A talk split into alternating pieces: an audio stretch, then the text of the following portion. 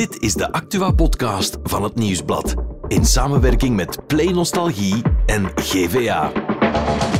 Het is maandag 23 oktober en Luna Hendricks wint Skate America. Opvallend veel rekken blijven leeg in de supermarkt. En het is weer tijd voor het pompoenpeddelen.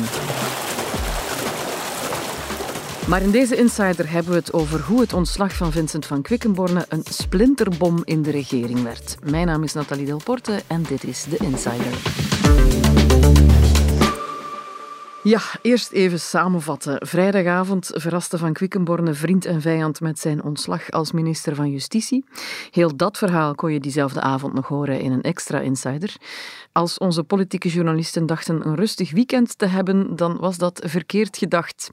Hannes Hendricks en hoofdredacteur Lisbeth van Impe, beetje geslapen? Uh, een heel klein beetje. Niet superveel. Een maar... beetje. Ik moet zeggen, ere wie ere toekomt, is Hannes die er uh, het hele weekend het uh, schip heeft rechtgehouden. Maar we hebben iets meer getelefoneerd en het nieuws te volgen dan op een normaal weekend. Ja, ja, dat geloof ik. Nu, sinds vrijdagavond is er heel veel gebeurd, gezegd en geschreven.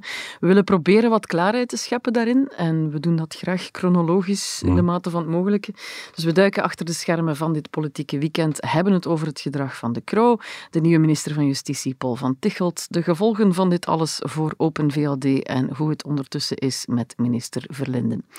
Dus waar gaan we beginnen? Het overleg van het kernkabinet en hoe de sfeer daar was en of daar nog info over eh, te geven valt die we nog niet kennen? Ja, dat was inderdaad uh, zaterdag. Hè. Mhm. Uh, dus de extra vergadering van het kernkabinet die ging over de aanslag van, van vorige week maandag die de Tunesiër Abdeslam Laswet pleegde.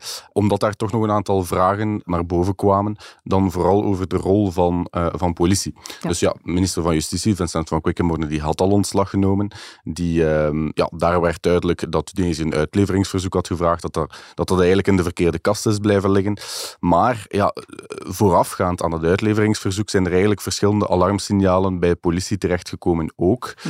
Um, eigenlijk op verschillende momenten dat politie had kunnen ingrijpen en dat dat niet echt gebeurd is. Bleek ook dat Tunesië een uh, Interpol Red Notice heeft laten versturen. Dat is een, nogal ingewikkelde uh, term om te zeggen uh, aan alle politiediensten in de wereld. Eigenlijk moet je die man staande houden. Dat is een serieuze alarmknop. Ja, ja, en dat is eigenlijk ook het. Uh, iedereen zegt wel dat die vergadering op zich sereen verlopen is. Er is nog heel veel input gekomen. Ze zijn bezig met een tijdslijn van wat is nu juist wanneer gebeurt en wie had wat uh, kunnen en moeten doen.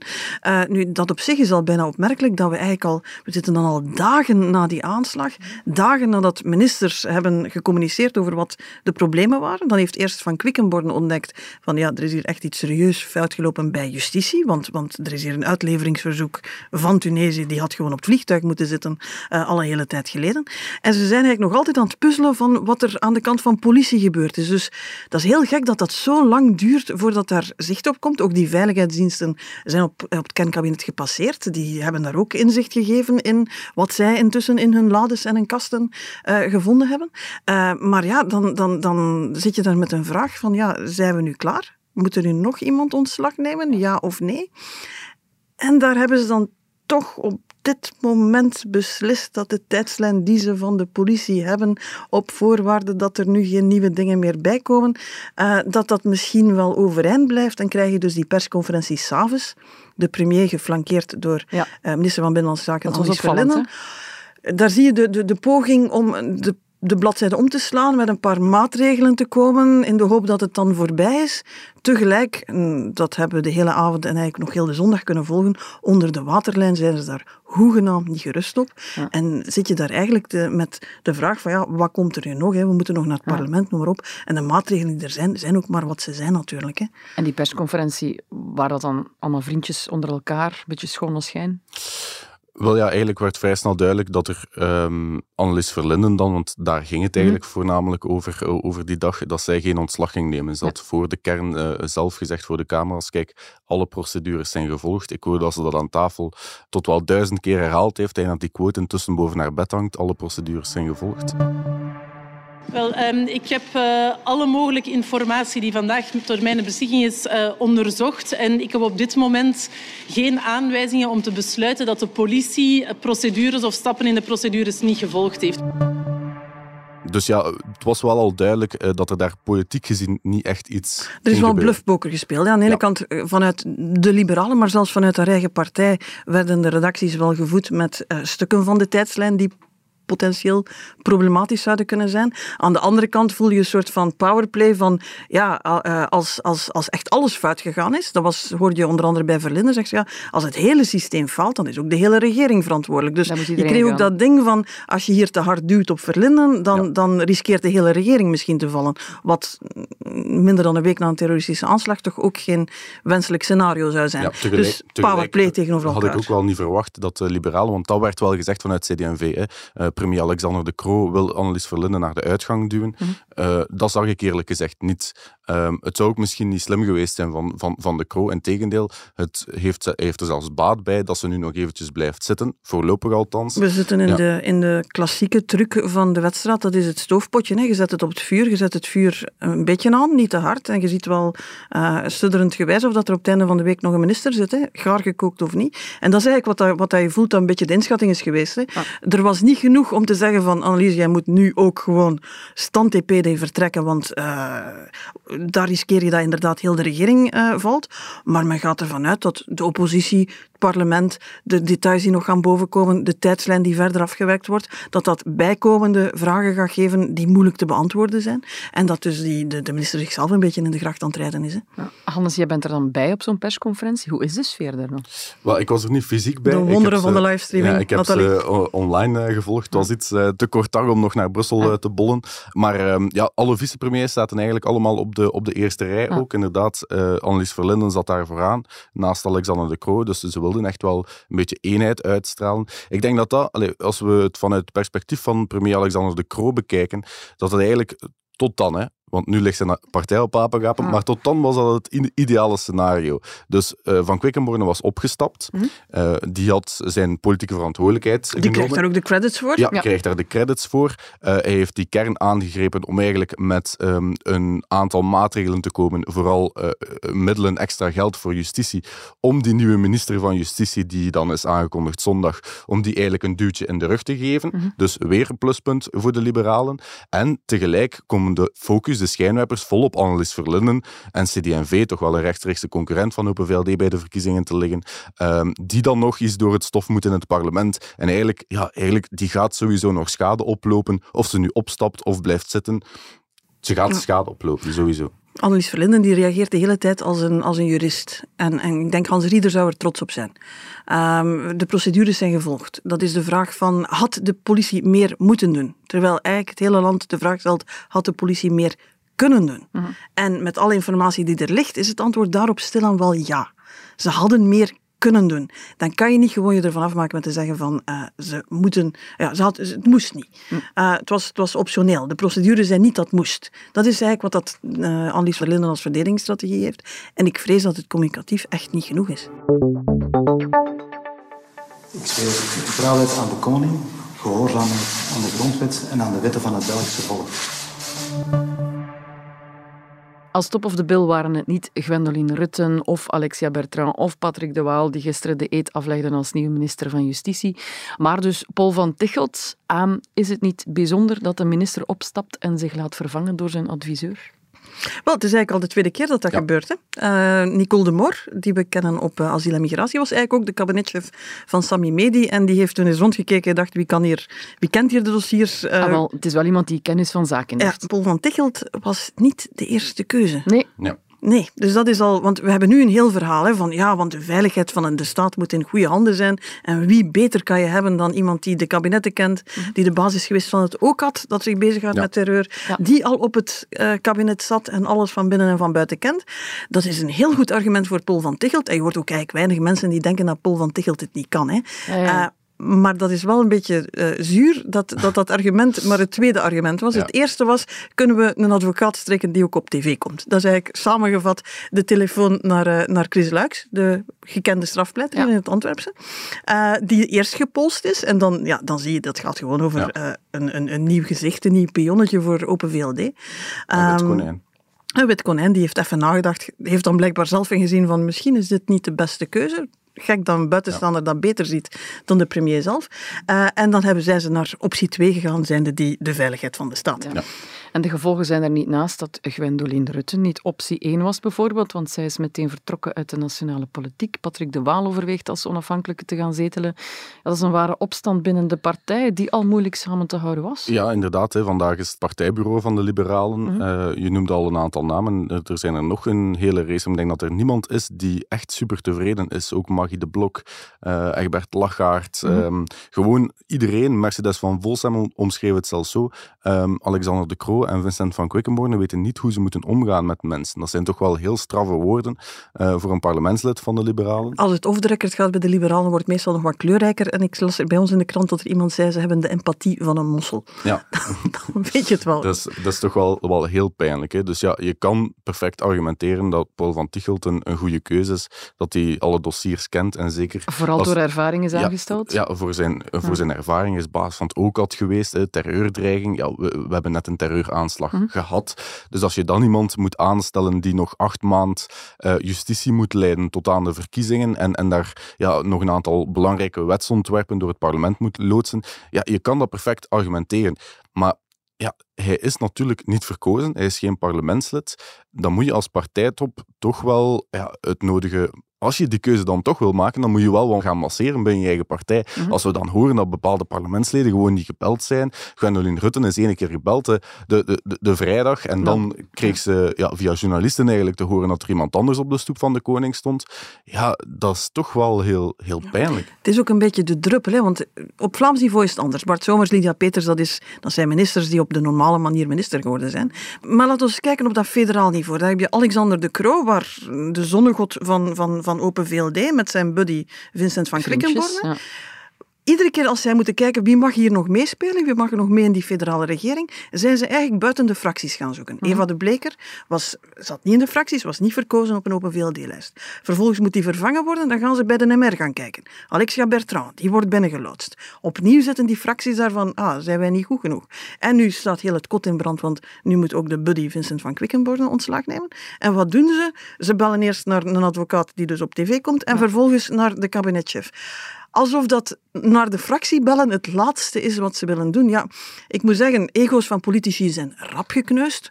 Maar hier begrijp ik ze toch wel ja, een beetje. Hè? Wat gaat er nog overblijven van de Open VLD richting verkiezingen? Ja, dat is een goede vraag. Ik heb zo'n beetje de indruk dat Alexander de Croo op dit moment zo uh, op zijn alleentje op uh, de Titanic staat te dansen, te, te, zingen, terwijl de boot aan het zinken is. Iedereen heeft het schip al verlaten of zingt gewoon mee. En hij, hij lijkt inderdaad wel veel solos Ik vind dat eigenlijk nog een heel uh, vriendelijke analyse. Ik denk dat we straks met het Europees voorzitterschap de langste sollicitatieprocedure in de geschiedenis van de wereld gaan gezien hebben voor een internationale topfunctie. Mm -hmm. En dat op het moment dat die er is, dat er van de partij eigenlijk ongeveer niks zal overblijven. Ja. Dus hij speelt solo slim. Maar ik denk dat dat de rode draad in de carrière van Alexander de Croo is, dat Alexander de Croo aan Alexander de Croo drinkt. En ja. Vincent van Quickenborne denkt ook vooral aan Vincent van Quickenborne, soms ook een beetje aan Alexander de Croo. Maar omdat um, dat goed is voor Vincent van Quickenborne. Maar omdat dat goed is voor Vincent van Quickenborne. En dat is het gevoel waarmee heel die, heel die... Je zit ook met de kleine details. Hè. Je zit daar in Kortrijk met een waarnemend burgemeester, uh -huh. die in onze peiling van een goede week geleden veel beter scoort dan Vincent van Quickenborne. Maar ja, het weekend was ja. nog niet en hij voorbij. de stoel terug op. En hij had de stoel al terug opgeëist. Dat mag allemaal, hè, maar de manier waarop dat je dat doet, ja. de, de, de, evidentie waarmee dat je zegt van, hey, maar ik ben hier wel de man. Ja, laat zeggen, de eeuw van de vrouw of van de ja. Open VLD of van de simpele partijgenoot, het is allemaal bij de ja. Open VLD nog niet aan de orde Je geweest. moet ook weten dat Alexander de Croo nu uh, de voorbije maanden eigenlijk net terug de brug had geslaan naar Gwendoline Rutten, mm. hè, waarmee hij eigenlijk ja. jaren ruzie had. Uh, die terug wel bij de partijtop betrokken uh, op het laatste congres, hè, waar Tom Ongena eigenlijk ja, kantje boord voorzitter is kunnen mm. worden. Heeft, Met steun van Gwendoline Rutten. Heeft Gwendoline Rutten er echt wel voor gezorgd dat hij voorzitter kon blijven. Dus ja, zij krijgt nu weer een dolk in de rug. Ik denk dat je op straat heel goed moet uh, rondzoeken eer je een liberaal vindt zonder dolk in de rug. Het was een bewogen weekend. De week zal niet veel kalmer worden, veronderstel ik? Ja, nee, je hebt vandaag al dat partijbureau van de liberalen. Het is de vraag of dat Alexander de Croo daar de gemoederen uh, wat kan bedaren. Dat zal heel moeilijk zijn als we de quotes aan, aan de ingang uh, allemaal horen. Ja, het is de vraag of dat er daar nu nog liberalen opstappen of niet meer naar het partijbureau komen. Um, dus ja, dat verhaal zal zich deze week zeker nog ontwikkelen. En dan ga je naar een, een kamer Kamercommissie ook gaan, waarin Annelies Verlinden eigenlijk nog eens door het stof zal moeten gaan. ik hoor nu al binnen de meerderheid toch grote bezorgdheid over de tijdslijn, ehm, die nog niet helemaal gevalideerd is. Dus wat politie wanneer heeft gedaan in het dossier Lassouet. Dus ja, daar is de vraag of dat er daar nieuwe elementen opduiken die Annelies Verlinden en bij uitbreiding eigenlijk de hele regering in de problemen kunnen brengen. En de oppositie is nu wel helemaal, uh, helemaal wakker. Hè. Ze hebben mhm. vorige week in de commissie gezeten. Daar was eigenlijk heel weinig informatie. Daar ging het constant maar over die uitwijzingsprocedures en hoe moeilijk dat, dat met al die landen van herkomst is. Ja, die komen nu wel gewapend naar, uh, naar die commissie en die willen nu het laatste gaatje in de tijdslijn zal, uh, zal onder vuur genomen worden. Gaat er iets positiefs uit voortkomen? Als er zo'n lange stilte bij ons valt, dan is het um, dat we het op dit moment nog niet direct zien. Um, het is ehm, bijna herfstvakantie uh, volgende week. Dus ja misschien positief. Uh, ik zoek maar naar lichtpuntjes. Uh. pas op, je zit in een proces. We hebben na ieder, iedere keer als er zoiets uh, gigantisch gebeurt, krijgen van er moet nog meer gedeeld worden, er moet nog meer gecommuniceerd worden. Daar zijn voor alle duidelijkheid al serieuze stappen gezet na 2016. Wie weet is dit nu weer een duwtje dat zorgt dat er, dat er weer een aantal dingen opgelost geraken. Maar om eerlijk te zijn, ik, ik denk dat de federale regering en de politiek in het algemeen de laatste dagen echt geen goede beurt gemaakt heeft. En, uh, ik krijg zo'n beetje het gevoel van, we zitten in die endgame. Ik weet niet hoe, hmm. waarom, maar zo de, de regering die op apengapen ligt en dan de partij van de premier die ook op apengapen ligt. Is zo... En je ziet niet het begin van, van cohesie. Hè. Dat hmm. is, um, dus... Uh, het is ieder voor zich, denk ik, nu in die regering. En uh, dat, dat betekent niet dat ze gaat vallen, maar dat betekent dat ze ja, voortstrompelt uh, met, met de ogen op de meet, zeker volgend jaar. Um, ja, vrolijk word je daar niet van. Hè? Nee, maar er zou wel nog genoeg inspiratie overblijven, vermoed ik, voor een punt van Van Impe deze week. Als we zo bezig blijven, gaan we alweer over een hele nieuwe reeks dingen hebben die we gaan moeten becommentariëren. Dank u wel voor dit alles, Hannes en Liesbeth. Graag gedaan. Graag gedaan. Voor het andere nieuws is Joni erbij komen zitten. Dag Joni. Dag Nathalie. Landgenote Luna Hendricks heeft Skate America gewonnen. Dat klinkt super, alleen moet ik toegeven, ik ken die wedstrijd niet. Nee, dat is een heel grote kunstschaatswedstrijd in Texas, in Amerika. In de kunstschaatswereld is heel bekend, een Grand Prix. En met vier combinatiesprongen en een foutloos parcours heeft ze daar de eerste prijs gehaald. Dat is fantastisch. En op uh, fijne muziek ook nog blijkbaar? Ja, op Madonna en Beyoncé. Ik stel mij bij kunstschaatsen zo heel klassieke muziek muziek voor, maar dat was echt niet het geval.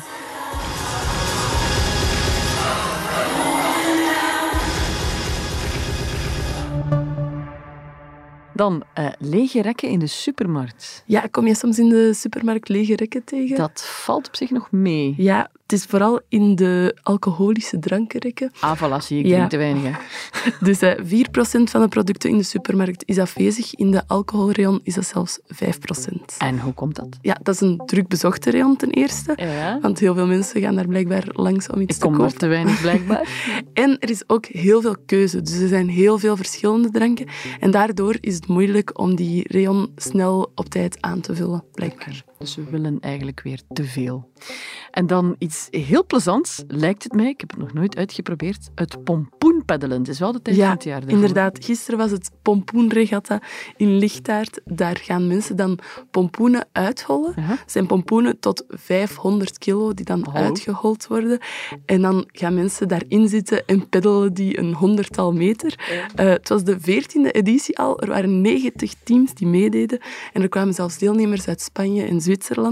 Um, voor mensen die zich afvragen, wat gebeurt er met dat vruchtvlees en met die pompoenen op het einde? Het vruchtvlees wordt gecomposteerd en de uitgeholde pompoen of de boot, die kan enkel gebruikt worden voor bemesting. En er is ook geen soep van gemaakt? Nee, ah, nee het is helemaal onbruikbaar voor eten. Oké, okay, nogthans pompoensoep. Lekker. Heerlijk. Nee, dankjewel, Joni. Morgen zijn we er opnieuw met een nieuwe Insider.